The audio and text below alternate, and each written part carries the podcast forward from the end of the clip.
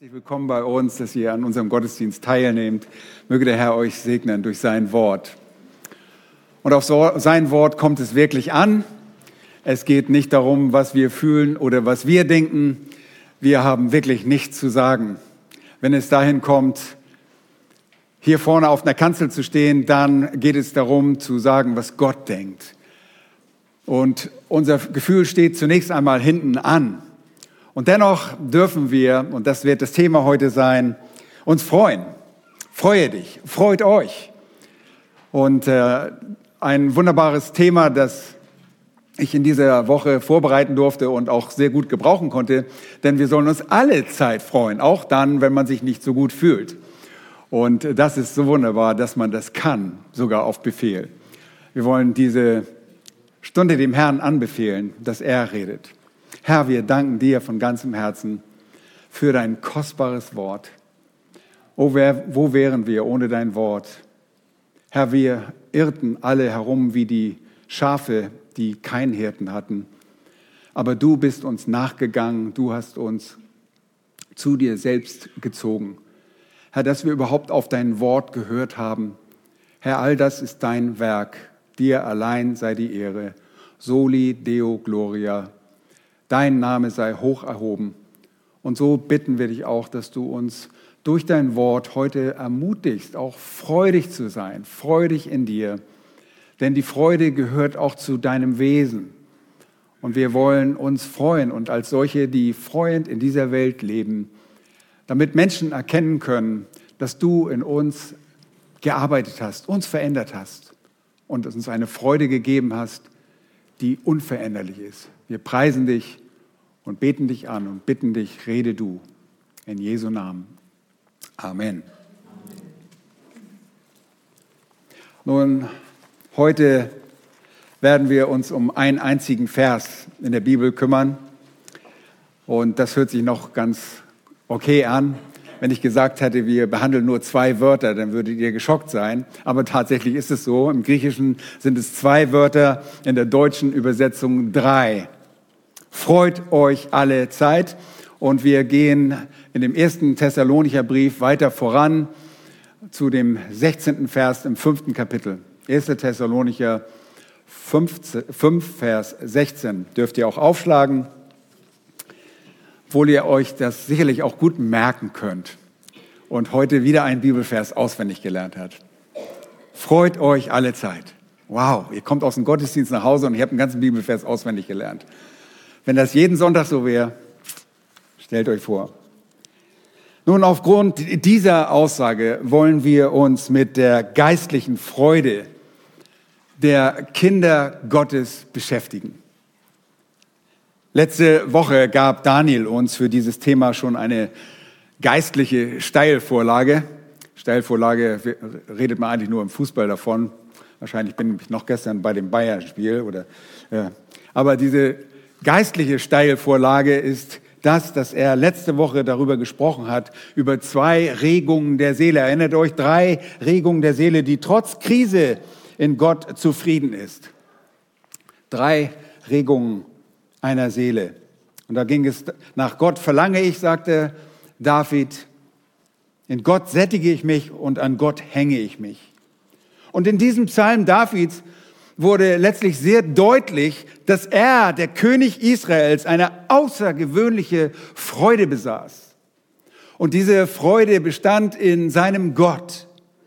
Da heißt es in Psalm 63, das war der Text letzten Sonntag, in Vers 12, der König aber wird sich freuen in Gott. Und schon in Vers 6 redet er von jauchzenden Lippen.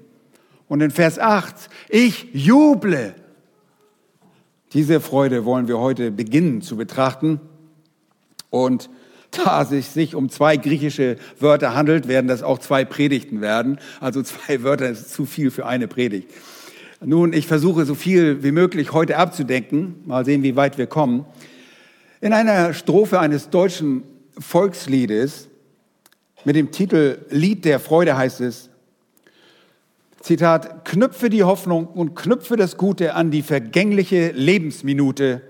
Schöner genießet, wer weise sich freut. Freue des Lebens dich, freue dich heut. Heute erfahren wir aus dem Thessalonicher Brief, dass wir uns immer freuen sollen, dass wir eine andauernde, eine beständige Freude haben sollen und werden dazu sogar aufgefordert. Nicht nur einen Moment in den vergänglichen Lebensminute des, des Moments, sondern immer und ständige Freude kann uns als Kinder und soll uns als Kinder Gottes begleiten. Nun, wir wollen ein paar Dinge wiederholen. In Kapitel 5 ab Vers 12 beginnt der letzte Abschnitt des ersten Buches vom ersten Thessalonicher. Und wir erinnern uns, das Missionsteam hatte sich Sorgen über das Befinden der Herde in Thessalonich gemacht und deshalb gaben sie ihnen Anweisungen für ihr gemeindliches Zusammenleben. Das ist gut. Das ist wirklich gut, dass wir Anweisungen haben, wie eine Gemeinde zusammenleben soll, wie sie sich verhalten soll. Und die Thessalonicher erhielten Instruktionen darüber, wie die Schafe ihre Hirten behandeln sollten. Und die Thessalonicher erhielten Instruktionen darüber, wie die Hirten äh, ihre Schafe und die Schafe ihre Hirten. Beides erhielten sie. Und sie erhielten auch Instruktionen darüber, wie die Schafe miteinander umgehen sollten. Und auf dieses Miteinander wollen wir doch sehr viel Acht geben. In Vers 16 nun wenden sie sich einer neuen Beziehung zu. Es ist die Beziehung der Schafe zum obersten Hirten. Und die Thessalonicher erhielten einen Einblick in das Seelenleben eines gläubigen Christusnachfolgers. Die Beziehung zum Herrn Jesus Christus und zu Gott selbst, sie muss immer stimmen. Wenn eine Gemeinde auf der horizontalen stimmen soll, dann muss sie in der vertikalen zunächst stimmen, in der Beziehung zum Herrn. Und deshalb schreiben diese Männer, dieses Missionsteam, von Vers 16 bis Vers 22 schreiben sie eine Reihe von Ermahnungen auf, die sich mit dem Seelenleben äh, eines Gläubigen befassen. Sie zeigen damit die Bedeutung unserer Beziehung zu Gott auf. Und ich betitle diesen Vers und die Predigt einfach mit Freue dich. Wenn ich euch sage, fühlt ihr euch alle angesprochen, ist auch gut. Aber wenn ich dich sage, fühlt jeder sich persönlich angesprochen. Und das finde ich persönlich noch besser jetzt. Der erste Punkt ist der Befehl. Der Abschnitt beginnt mit den drei kurzen Worten. Freut euch alle Zeit. Und dieses Thema der Freude ist im Christsein und für alle Kinder Gottes, für alle Heiligen aller Zeiten ein absolut zentrales Thema. Zusammengefasst kann man sagen, es gibt im Leben eines Christen kein Ereignis und keinen Umstand, der seine Freude schmälern sollte. Lass mich das nochmal wiederholen, weil es könnte sein, dass du sagst, habe ich wirklich richtig gehört. Es gibt im Leben eines Christen kein Ereignis und kein Umstand, der die Freude dieses Christen in irgendeiner Art und Weise schmälern sollte. Ja, noch mehr ist wahr, denn wenn es mit Ausnahme von Sünde irgendeinen Umstand gibt, der deine Sünde schmälert, dann hast du selbst gesündigt. Oh, was habe ich gesagt? Ja, richtig. Wenn es irgendein Umstand, der deine Freude schmälert, dann, was habe ich gesagt, deine Sünde, ne? Äh, deine Freude, ja, seht ihr, mein Kopf dreht immer noch, äh, dann hast du gesündigt. Wenn deine Freude geschmälert wird. Nun, das ist wirklich schwer zu glauben. Im Lichte des Kummers, der Schmerzen und der Schwierigkeiten, die du gerade in deinem Leben, vielleicht gerade oder seit langer Zeit schon erlebst, wie kannst du sowas sagen? Leute, glaubt mir, ich habe auch schon einiges an Schmerzen und an Problemen erlebt in meinem Leben. Und ich glaube daran. Ich glaube, wenn meine Freude getrübt ist, dann fange ich an zu sündigen. Dann vertraue ich meinem Gott nicht. Ja, aber egal wie es sich für dich anhört, dieses Gebot, dieses Gebot der Schrift sagt ausdrücklich, schaut hinein. Das sagt nicht ich. Freut euch, wie häufig, alle Zeit. Jede Missachtung dieses Gebots stellt Ungehorsam und Sünde dar. Ich werde es noch erklären. Deshalb können wir sagen, dass es im Leben eines Christen kein Ereignis oder kein Umstand gibt, der die Freude in seinem Leben schmälern sollte. Okay? Allerdings geschieht es dennoch wiederholt. Und zwar immer dann, wenn du und ich nicht angemessen auf Ereignisse oder auf die Umstände in unserem Leben reagieren.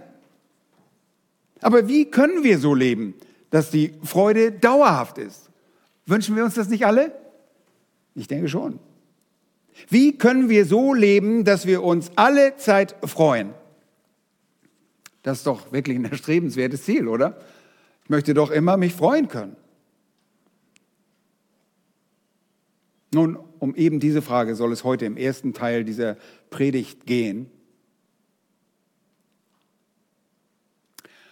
Ja, diese zwei Predigten sollen das Thema Versuchen der Freude, der christlichen Freude, umfassend zu beleuchten. Lasst uns also den Befehl ansehen. Freut euch alle Zeit. Bitte beachtet dabei zunächst, dass dieser Befehl nicht einzigartig in der Bibel ist oder an dieser Stelle einzigartig ist. Es ist nicht die einzige Stelle in der Bibel, die uns einen solchen Befehl erteilt. Freude wird sowohl im Alten als auch im Neuen Testament angesprochen. Und es gibt sehr viele Stellen in der Schrift, wo ähnliche Befehle erteilt werden. Und wir sind alle vertraut mit Philippa Kapitel 4, Vers 4. Und wenn, wenn du den noch nicht kannst, dann wirst du ihn jetzt können. Freut euch im Herrn alle Zeit. Abermals sage ich euch, freut euch. Es ist fast so, als würde Paulus an dieser Stelle etwas ahnen, als er das niederschreibt. Er schreibt, freut euch im Herrn alle Zeit. Und in dem Moment scheint er zu wissen, dass jemand Einspruch erheben könnte und sagt, und abermals sage ich euch, freut euch. Und der Einwand ist ausgeräumt. Und deshalb fügt er das hinzu. In 1. Petrus Kapitel 4, Vers 13 schrieb Petrus, in dem Maß, wie ihr Anteil habt an den Leiden des Christus, freut euch. Und impliziert ist, ist hier immer weiter, freut euch weiter, immer weiter, hört nicht auf. Wir werden aufgefordert, uns immer weiter zu freuen, uns alle Zeit zu freuen, uns immer zu freuen. Und so steht dieser Befehl zur beständigen Freude in Vers 16 in Übereinstimmung mit anderen Schriftstellen der Heiligen Schrift. Jetzt könnte vielleicht jemand gerechtfertigterweise dennoch einwenden und sagen, hey, wie passt das mit Römer 12, Vers 15 zusammen? Alle, keiner guckt nach. Wie gibt es denn sowas? Ich höre kein Rauschen der Blätter. Immer diese digitalen Bibeln. Also lasst uns mal rauschen hier. Römer 12, Vers 15 heißt es, freut euch mit den Fröhlichen und weint mit den Weinenden. Haha. Ist das etwa kein Widerspruch zu dem Gebot, uns alle Zeit zu freuen? Gibt es nicht tatsächlich auch Zeiten, in denen Weinen angebracht ist? Oh ja, absolut. Diese Zeiten gibt es. In Römer 12, Vers 15 geht es einfach darum, sich mit den Emotionen der Menschen in meinem Umfeld zu identifizieren. Haben Sie Leid? Haben Sie Probleme? Oder haben Sie Freude, dann identifiziere ich mich mit Ihren Umständen. Dann haben wir ein Mitgefühl für Ihre Umstände. Und wenn die Menschen um euch herum fröhlich sind, ihr Lieben, dann teilt diesen Frohsinn. Dann hängt ihr nicht darum und sagt, ah, so und so hat eine Hochzeit, ich gehe, ich gehe auf den Friedhof, ich trauere, ja, weil da gerade wieder eine Hochzeit stattfindet. Nein, freut euch mit denen, die fröhlich sind. Und wenn die Menschen um euch traurig sind, dann zeigt ihr ihnen Mitgefühl. Ja, es, ihr könnt nicht in das Haus einer Witwe kommen und sagen, dein Mann ist gestorben. Oh, ja, das ist nicht so schlimm. Du hattest ihn immerhin 80 Jahre. Du sollst dich freuen, dass er tot ist und beim Herrn ist. Nein, ihr habt Mitgefühl. Ihr fühlt euch ein in diese Person trauert und weint mit ihnen. In solchen Fällen geht es um eine äußerliche, und ich betone, es geht nur um eine äußerliche Identifikation mit normalen menschlichen Emotionen, an denen wir dann teilhaben wollen und sollen. Es wäre herzlos, wenn ihr lachend und fröhlich in das Haus einer trauernden Person einkehren würdet und nicht Mitgefühl habt. Aber ihr Lieben, selbst wenn wir weinen, entlässt uns das nicht aus der Verantwortung, uns zu freuen. Nun, man kann doch nicht beides tun, trauern und fröhlich sein, oder? Doch, das kann man. Das kann man. Paulus berichtet inmitten seiner umfassenden Empfehlung als Diener Gottes in 2. Korinther 6, Vers 10 und sagt, dass sie sich in viel standhaften Ausharren als Betrübte, aber immer fröhlich empfehlen. Ich finde das toll. Als Betrübte, aber immer fröhlich. Ja, ist, bist du jetzt betrübt oder immer fröhlich? Ja, bist beides. Es gibt beides. Christen können beides sein. Die Betonung in Vers 16 ist einfach, dass wir immer fröhlich sind. Und die Erfahrung der menschlichen Gefühle beim Trauern schließt für den Christen nicht, sie, es schließt nicht die Verantwortung aus, uns über diese Trauer hinwegzusetzen und uns einfach zu freuen. Nun, während wir in der deutschen Übersetzung also freut euch alle Zeit lesen, steht im Griechischen zu aller Zeit freut euch. Die Betonung liegt so mit auf, diesen Adverbia, auf der adverbialen Bestimmung. Also auf dem zu aller Zeit. Das ist die Betonung. Zu aller Zeit freut euch. Und das ist sehr wichtig. Das Wort sich freuen von Kairo, nicht das ägyptische Kairo, sondern das griechische Wort Kairo, freuen, sich freuen, war anscheinend ein sehr geläufiger Bestandteil des frühchristlichen Vokabulars. Und man findet es wirklich in vielen Stellen und äh, auch in extra biblischer Literatur. Zum Beispiel findet man das in der Bibel, und das ist maßgeblich für uns. Als Jesus aus dem Grab kam, sagt er, seid gegrüßt. Und ihr lest da, seid gegrüßt. Aber das eigentliche Wort, ich glaube Matthäus ist das, ich habe das jetzt leider nicht aufgeschrieben, aber da heißt es eigentlich, freut euch. Da steht das Wort Kairo, freut euch.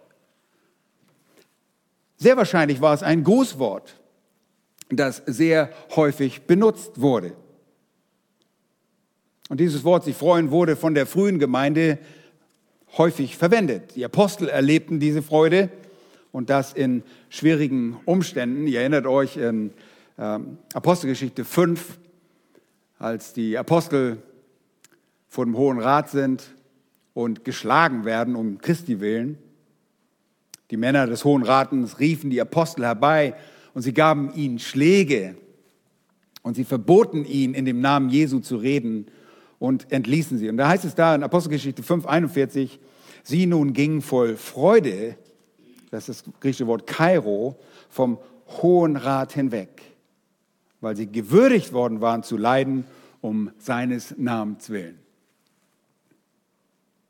Nun, ihr erinnert euch, bevor die Missionare, das Missionsteam Paulus und Silas zu den Thessalonicher kamen, waren sie wo? In welcher Stadt? In Philippi. Und dort wurden sie eingekerkert, wurden sie festgenommen. Sie saßen dort im Gefängnis und während dieser Zeit des, äh, des Leidens im Innersten des Gefängnisses beginnen sie äh, die Freude auszudrücken und Loblieder zu singen um Mitternacht. Erinnert euch daran? Das ist außerordentlich. Und ihr Lieben, das war nicht so ein modernes Gefängnis.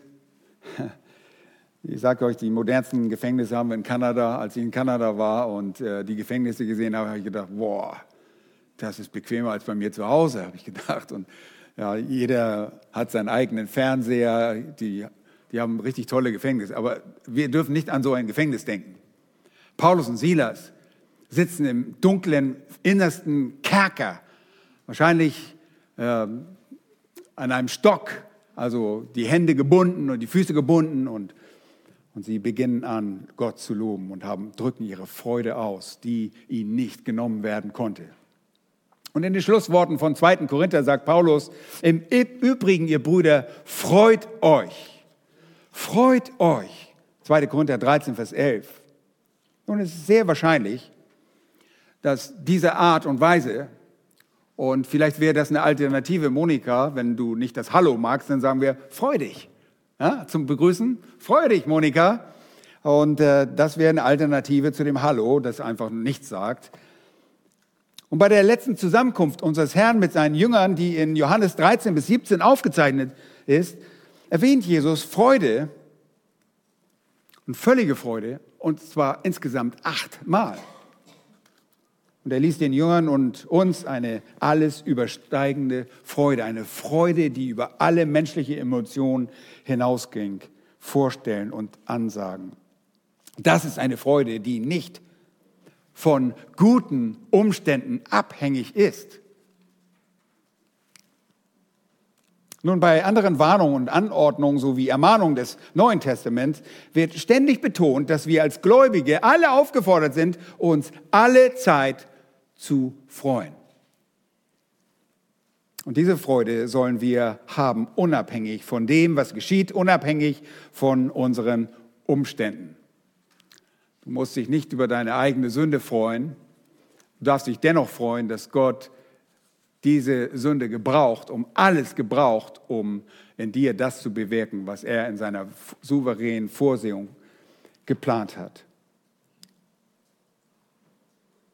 Nun, wir werden zu einer bedingungslosen, zu einer unabhängigen Freude aufgefordert, die selbst in Zeiten der größten Schwierigkeiten noch Bestand haben soll. Und ihr erinnert euch, die Thessalonicher hatten sehr schwierige Umstände. Sie wurden verfolgt, es gab Bedrängnisse. Ähm, ihr Leben war kein Zuckerlecken. Und in Matthäus 5 heißt es in, den Versen 10 folgende sagt Jesus, Glückselig sind die um der Gerechtigkeit willen verfolgt werden, denn ihrer ist das Reich der Himmel. Glückselig seid ihr, wenn sie euch schmähen und verfolgen und lügnerisch jegliches böse Wort gegen euch reden, um meinetwillen. Freut euch und jubelt. Ha, schon unglaublich, das kommt so oft vor. Und auch Lukas 6, Vers 22 enthält vergleichbare Gedanken. Da heißt es, glückselig seid ihr, wenn euch die Menschen hassen und wenn sie euch ausschließen und schmähen und euren Namen als einen lasterhaften verwerfen um des Menschensohnes willen. Freut euch an jenem Tag und hüpft. Und je schlimmer die Verfolgung also sein wird, desto höher soll das Hüpfen der Freude sein. In Johannes Kapitel 16, Vers 20 zeigt Jesus uns die Welt in ihrer Freude über seinen Tod. Da heißt es wahrlich, wahrlich, ich sage euch, ihr werdet weinen und wehklagen, aber die Welt wird sich freuen. Die Welt freute sich und die sollte sich freuen, als Jesus starb, freute sich die Welt. Aber die Jünger weinen. Und er sagt, und ihr werdet trauern. Aber hört genau hin. Doch, eure Traurigkeit soll in Freude verwandelt werden. In Vers 22 sagt er dann, so habt auch ihr nun Traurigkeit, ich werde euch aber wiedersehen. Und dann wird euer Herz sich freuen und niemand soll eure Freude von euch nehmen. Es kommt also der Tag, sollte für sie kommen, wenn sie nicht mehr trauern werden, wenn sie ihr Herz dem Herrn wenn ihr Herz dem Herrn gehören würde und sie sich freuen würden. Und niemand sollte ihnen ihre Freude mehr rauben. Als Paulus an die Kolosser schrieb, sagte er in Kapitel 1, wenn ich mein Leben dafür opfern muss, euch das Evangelium zu bringen, werde ich, mich mit, werde ich es mit Freude tun. Das ist wirklich bemerkenswert, das Evangelium zu bringen mit Freude. Und das sollten wir auch mit Freude tun. Ähm, er sagt aber, wenn ich mein Leben dafür opfern muss, euch das Evangelium zu bringen, also wenn ich mein Leben sogar lassen muss dafür, werde ich das mit Freude tun. Und schaut mal dort in Kapitel 1, Vers 24 im Kolosserbrief. Jetzt freue ich in meinen Leiden, die ich um euretwillen erleide. Und ich erfülle meinerseits in meinem Fleisch, was noch Bedrängnisse des Christus aussteht, um seines Leibes willen, welcher die Gemeinde ist. Nun, er hatte Freude und er tat das gerne. Sind wir bereit, das Evangelium unter allen Umständen zu verkündigen, auch wenn wir unser Leben dafür geben müssen? Ihr wisst sehr wohl um den Vers des Jakobus, der in Kapitel 1, Vers 2 sagt, achtet es für lauter Freude, wenn ihr in mancherlei Prüfungen geratet. Petrus sagt es in 1. Petrus 1, Vers 6. Ihr werdet euch jubeln freuen, die ihr jetzt eine kurze Zeit, wenn es sein muss, traurig seid in mancherlei Prüfungen. Ihr Lieben, eure und meine Probleme, meine Sorgen und meine Schmerzen heben das Gebot nicht auf, uns alle Zeit unaufhörlich und ohne Unterbrechung zu freuen. Und dieses Gebot, dieser Befehl wird hier erteilt. Und er gilt für die ganze Gemeinde dieses Gebot. Und die Schrift sagt weiterhin, wir sollen uns jubeln freuen, uns überschwänglich freuen, uns über alle Maßen freuen. Und unsere Freude soll rege sein. Da heißt es so im Psalm 32, Vers 11, unsere Freude soll unaussprechlich sein, sie soll voller Herrlichkeit und Ehrfurcht sein. Demzufolge sollen wir uns alle Zeit einfach nur freuen. Nun, eines dabei erkennen wir sofort. Diese Freude ist keine natürliche Freude. Wenn ihr jetzt vielleicht den Einwand bringt und behauptet, das ist unmöglich, was dieses Team da schreibt, das ist unmöglich, das geht nicht, dann habt ihr von einem menschlichen Standpunkt aus betrachtet recht. Menschen können sich nicht einfach auf Befehl freuen. Das wäre dann so ein aufgesetztes Flugbegleitergrinsen. Kennt ihr das? Ihr fliegt in einer schönen Maschine nach Amerika und da kommt die Stewardesse, wenn ihr nicht die falschen Zähne rausfallen. Nein, also immer dieses aufgesetzte Grinsen und ich habe darüber gelesen, diese Leute werden teilweise krank, weil sie innerlich gar keine Freude haben, aber dennoch die Fluggesellschaft vertreten und eine Freude da weitergeben müssen. Und äh, das ist nicht einfach, einfach was weiterzugeben, was du nicht in dir hast. Aber so ist es nicht bei uns Kindern Gottes. Es ist nicht natürlich, auf diese Art dauerhaft sich zu freuen. So eine Freude ist übernatürlich. Es ist die Art von Freude, von der wir hier reden. Und wir reden nicht von Glück, das durch Ereignisse oder Umstände bedingt ist oder einfach dadurch, dass etwas zufällig gut ist. Oh, ich freue mich. Ha, ich habe heute echt Glück gehabt. Ja, Streicht mal dieses Wort Glück überhaupt aus eurem Wortschatz. Das gibt es überhaupt gar nicht. Für ein Kind Gottes gibt es kein Glück. Das ist alles die Vorsehung Gottes. Und unser Leben ist nicht auf Glück gebaut, auf irgendeinen glücklichen Umstand und ich, oh, mir geht es richtig gut, ich bin gewählt worden zur Königin des Jahres. Ach, was weiß ich, keine Ahnung, was ihr, was ihr für ein, was sich Leute alles einreden. Aber das ist nicht die Freude, von der wir reden. Wir reden nicht von Glück, das durch Ereignisse oder Umstände bedingt ist. Wir reden nicht von oberflächlichen emotionalen Reaktionen auf positive Umstände. Ha, die haben mir 2000 Euro Nachlass gelassen beim Kauf der Solaranlage. Boah, ich bin richtig glücklich. Und wir reden nicht von so einem Glück. Das ist nicht das Glück. Wir reden nicht von, wir reden nicht von einer natürlichen sondern wir reden von einer übernatürlichen Freude.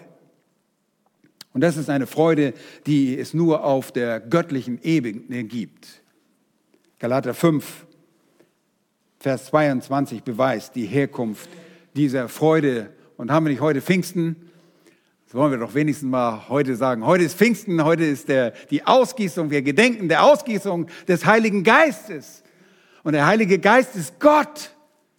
Und Gott ist derjenige, der in uns diese Dinge hervorbringt. Das ist nicht natürlich.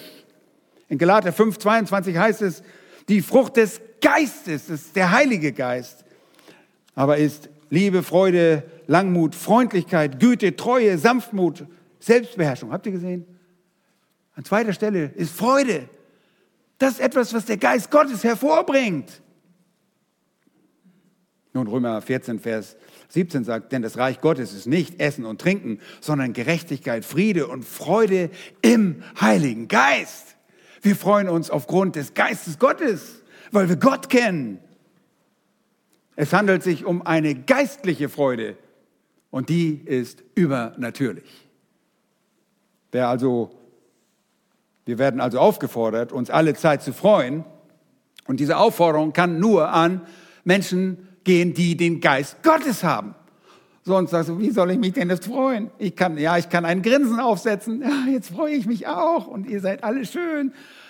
Aber seht ihr, wenn wir keine neuen Kreaturen sind, weil wir nicht verändert worden sind durch den Geist Gottes, der uns wiedergeboren hat, dann können wir uns nicht freuen. Dann wundere dich nicht, dass du kein freudiger Mensch bist. Du kannst dich aus, über äußere Umstände freuen, aber du kannst dich nicht freuen über die geistlichen Dinge in deinem Leben. Und über die Dinge werden wir noch sprechen. Nun, diese Freude ist ein Dienst, es ist eine Gabe, es ist ein Produkt, es ist die Frucht des Geistes.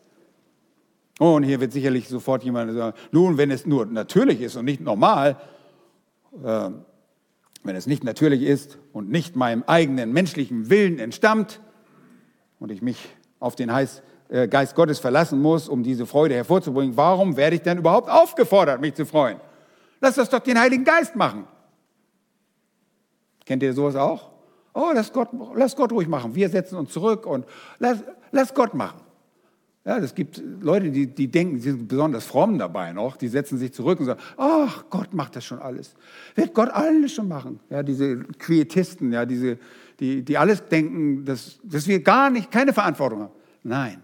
Die Antwort darauf ist die gleiche, die wir für alle Aspekte der Schrift geben müssen, an denen der menschliche Wille beteiligt ist. Wir arbeiten damit. Wir haben eine Verantwortung. Das ist nicht, oh, Gott wird schon alles machen.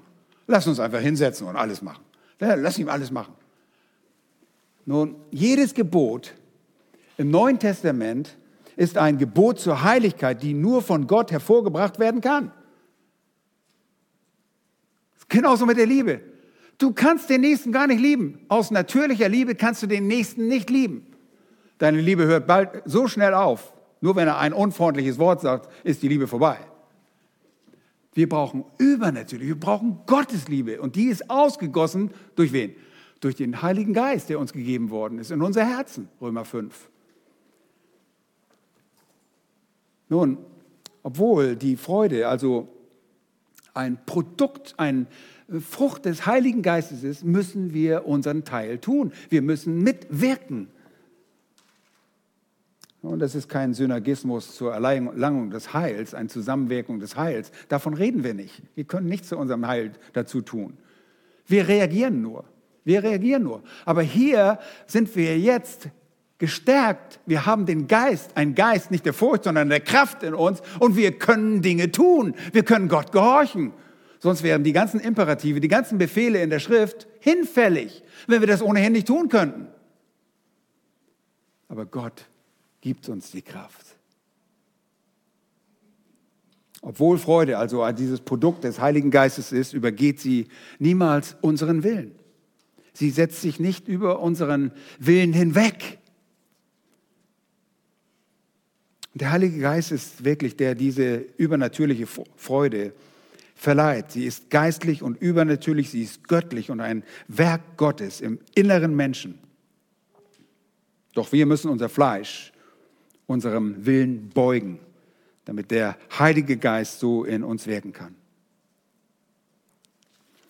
Ihr Lieben, zu der Freude müssen wir unseren Teil dazu beitragen. Und diese Freude ist ein Werk Gottes, aber nicht ohne meinen Willen.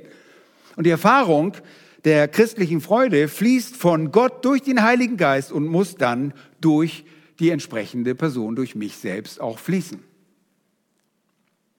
Erstens werden wir also zu unauf hörlicher Freude aufgefordert.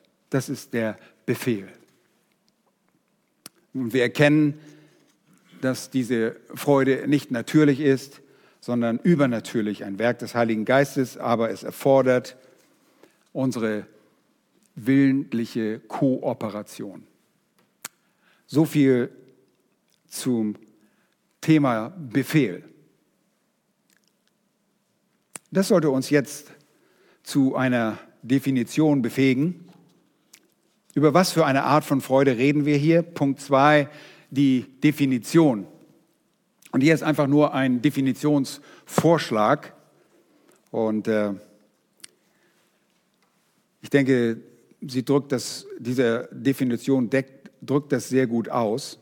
Da geht es um geistliche Freude, ist eine Emotion, die der tief verwurzelten Zuversicht eines Christen entspringt, dass Gott alles vollkommen unter Kontrolle hat. Ich sage es noch einmal, ich werde es wiederholen. Geistliche Freude ist ein Gefühl, eine Emotion, die der tief verwurzelten Zuversicht eines Christen entspringt. Dass Gott alles vollkommen unter Kontrolle hat. Ich weiß, das ist schwer mitzuschreiben. Aber ihr könnt gerne zu mir kommen. Ich gebe es euch nachher gerne, wenn ihr das haben möchtet. Und zwar hat er alles unter Kontrolle, es zu einem gegebenen Zeitpunkt, zu, einem, zu, einem, zu unserem Besten einzusetzen und uns ewige Herrlichkeit bringen wird. Ich wiederhole es nochmal ein drittes Mal. Geistliche Freude ist ein Gefühl oder eine Emotion, ein Gefühl, das der tief verwurzelten Zuversicht eines Christen entspringt. Dass Gott alles vollkommen und absolut unter Kontrolle hat und alles zum gegebenen Zeitpunkt zu unserem Besten einsetzen, sowie unsere ewige Herrlichkeit bringen wird. Nun, das ist die geistliche Freude eines Gotteskindes. Und diese Freude ist nicht eine Emotion, die auf eine vorausgegangene Emotion aufbaut. Sie ist nicht ein Gefühl, das auf einem anderen Gefühl aufbaut. Sie ist ein Gefühl, das auf Tatsachen beruht. Oh, wie wichtig ist das in unseren Tagen, wo es alles um das Gefühl geht und das Gefühl zu einer unumstößlichen Größe gemacht wird und das Gefühl heute in unserer Welt die neue Realität ist. Ich fühle mich so und so und ich habe auf einmal eine neue Identität, weil ich mich so fühle. Was für ein dummes Zeug, ihr Lieben. Das ist dummes Zeug. Das ist ein hingegebener Verstand. Das sagt Römer Kapitel 1 ganz deutlich. Diese Menschen sind dahingegeben. Wir dürfen niemals auf Gefühl unser Leben bauen, sondern auf Wahrheiten. Und die geistliche Freude ist eine emotionale Reaktion auf die Wahrheiten über meinen Gott. Die Wahrheiten, die ich auch als diese Wahrheiten erkenne in meinem Leben. Sehr wichtig. Und ich muss mir diese Wahrheit vor Augen führen und mich der Realität muss mir dieser Realität bewusst werden. Das ist die Wahrheit. Hier ist die Wahrheit. Hierauf bauen wir unser Leben. Deshalb können wir froh sein. Nicht, weil ich etwas fühle. Oh, ihr Lieben, unser Leben ist eine Achterbahnfahrt, wenn wir nach den Gefühlen gehen. Morgen fühle ich so, übermorgen so. Das ist die Substanz. Geistliche Freude ist in der Wahrheit. Alle von uns sollten die Gewohnheit haben, ständig unserem freudigen Staunen Ausdruck zu verleihen, wenn wir über die unveränderliche und ewige Beziehung mit Gott nachdenken, nachsinnen, meditieren, immer wieder darüber nachsinnen. Wenn wir, wenn wir das realisieren können, ich sagte, dann können wir nicht anders als freudig sein. Das ist so wunderbar. Eine Beziehung zu lebendigen Gott zu haben, den Schöpfer dieser Welt. Hast du Spaß? Ja, ich habe sie. Ich habe diese Beziehung. Unglaublich. Es ist die Beziehung, die wir durch unseren Herrn Jesus Christus mit Gott haben. Nun lasst uns hier logisch fortfahren und ihr seht schon, warum wir zwei Predigten brauchen. Wir wollen uns alle Zeit freuen. Und das ist nicht normal, das ist etwas Übernatürliches, das ist ein Werk des Heiligen Geistes unter unserer willentlichen Mitwirkung. Und wenn wir willentlich dazu beitragen müssen, müssen wir wissen, um was es überhaupt geht. Worum geht es hier? Nun, es beginnt mit der tief verwurzelten Zuversicht, dass Gott alle Dinge unter Kontrolle hat. Alle Dinge. Sagt ihr, wenn wir das begriffen haben, dann ist das so was Schönes zu wissen. Egal was passiert. Ob da ein Putin Hiccup hat oder einen Schluck auf hat oder, oder sonst, das, das ist völlig nebensächlich. Gott macht Geschichte. Wir vertrauen Gott und nicht irgendwelchen Herrschern auf dieser Welt. Das sind nur kleine Marionetten. Die können gar nichts tun. Und da beginnt unsere Zuversicht. Und wenn ich diese großartige Realität in meinem Verstand verankern kann, dann habe ich diese tief verwurzelte Grundlage, auf der meine geistliche Freude, auf der meine geistliche Freude basieren kann. Meine Frage ist, hast du diese Grundlage? Vertraust du Gott? Vielleicht kennst du Gott gar nicht und denkst, ich wünschte, ich hätte diese Freude. Und der Jesus Christus, er kam, um dich aus deiner Trauer, aus deiner Misere zu erlösen, damit du für ihn lebst. Er hat einen Anspruch auf dein Leben. Oh, das ist nicht, damit du nur in den Himmel kommst. Darum geht es nicht. Es geht darum, dass du dem lebendigen Gott dienst und nicht deinem eigenen Fleisch dienst.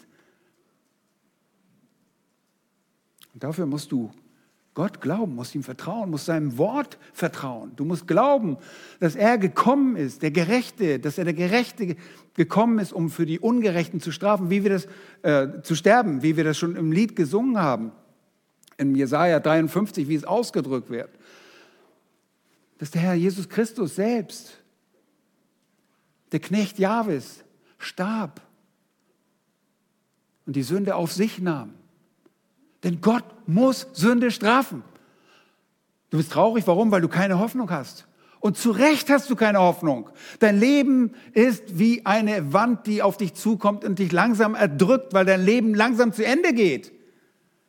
Du hast keine Hoffnung, du weißt nicht mal, wohin du gehst. Ich sag's dir, wohin du gehst. Du gehst in die ewige Verdammnis, wenn du Gott nicht kennst.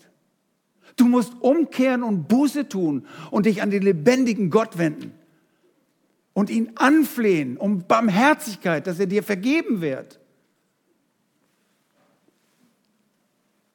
Dafür ist ans Kreuz gegangen. Deshalb reden wir vom Kreuz. Das Kreuz ist der Mittelpunkt in der Heilsgeschichte, der Geschichte überhaupt schlechthin, ist das Kreuz der Mittelpunkt. Christus starb dort, damit du nicht in eine ewige Verdammnis gehen musst, aber damit du für ihn da bist und ihm dienst. Er hat einen Anspruch auf dein Leben.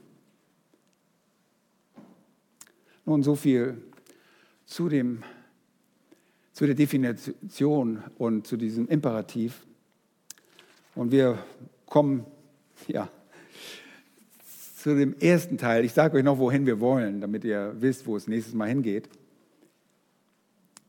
Warum kann ich mich alle Zeit freuen? Das dritte ist der Anlass oder die Anlässe der Freude oder der Grund der Freude. Welche Gründe habe ich zur Freude? Und ich habe gerade einen genannt. Und ich gebe euch einen Grund. Und das ist der zentrale Punkt, das ist deine Errettung. Wenn du errettet bist, dann hast du riesige Freude, weil du weißt, woher du kommst und wohin du gehst. Aber wehe, du weißt es nicht. Dann fühle ich mit dir. Und ich bete dafür, dass du umkehrst. Das ist ein Grund zur Freude. Jesus sagte einmal den Jüngern, in Lukas Kapitel 10 und Vers 20. Sagte er ihnen, sehe, ich gebe euch die Vollmacht, auf Schlangen und Skorpione zu treten und über alle Gewalt des Feindes und nichts wird euch in irgendeiner Weise schaden. Oh, könnt ihr euch die Jünger vorstellen? Die waren richtig heiß auf solche Sachen.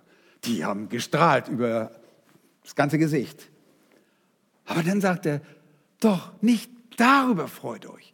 Nicht darüber freut euch dass euch die Geister untertan sind. Freut euch aber lieber darüber, dass eure Namen im Himmel geschrieben sind. Ihr Lieben, dass ihr gerettet seid. Weißt du, ob dein Name im Himmel aufgeschrieben ist? Das musst du wissen, bevor du nach Hause gehst. Musst du wissen, dass mein Name im Himmel aufgeschrieben ist. weil wir wissen nicht, wie alt du wirst und was dir passiert. Kehr heute um. Der Geist Gottes kam, um dir das aufzuzeigen, dass du ein Sünder bist und die Vergebung Gottes brauchst. Nun, wir werden darüber sprechen, was die Anlässe der Freude sind. Und da gibt es eine ganze Menge Gründe, warum wir uns dauerhaft freuen können. Und darauf gehen wir am nächsten Sonntag ein.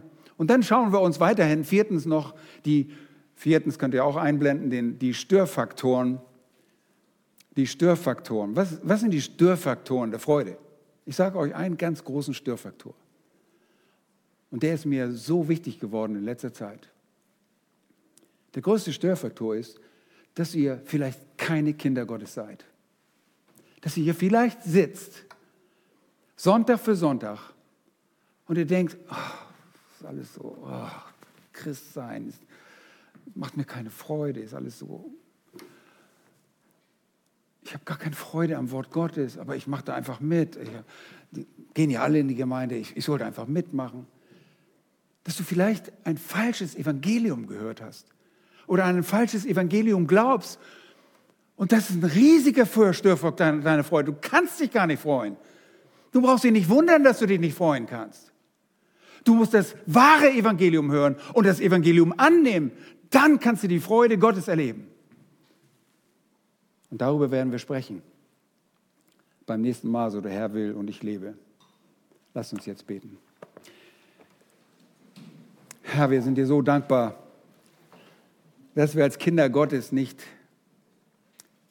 mit einer traurigen Miene durch den Tag laufen müssen,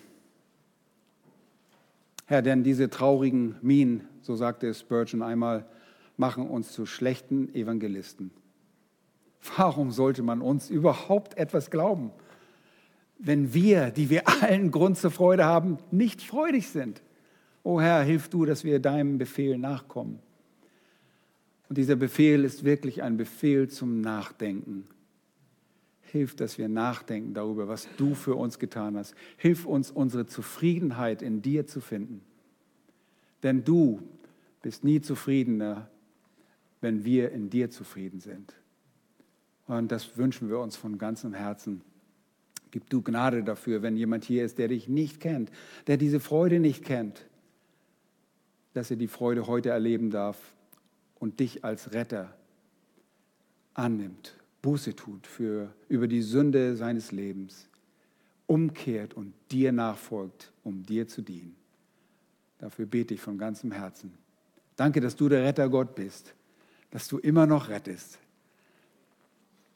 dass du deshalb noch nicht gekommen bist, weil du immer noch im Begriff bist, Menschen zu retten. Wir preisen dich dafür. Danke jetzt für diese Aufforderung. Hilf, dass wir das zum Ausdruck bringen aus echter Freude, aus einer echten inneren Freude heraus, auch einander zu lieben und diese Freude auch in unserer Gemeinde deutlich werden zu lassen. Das bitte ich um deines Namens willen. Amen. Amen.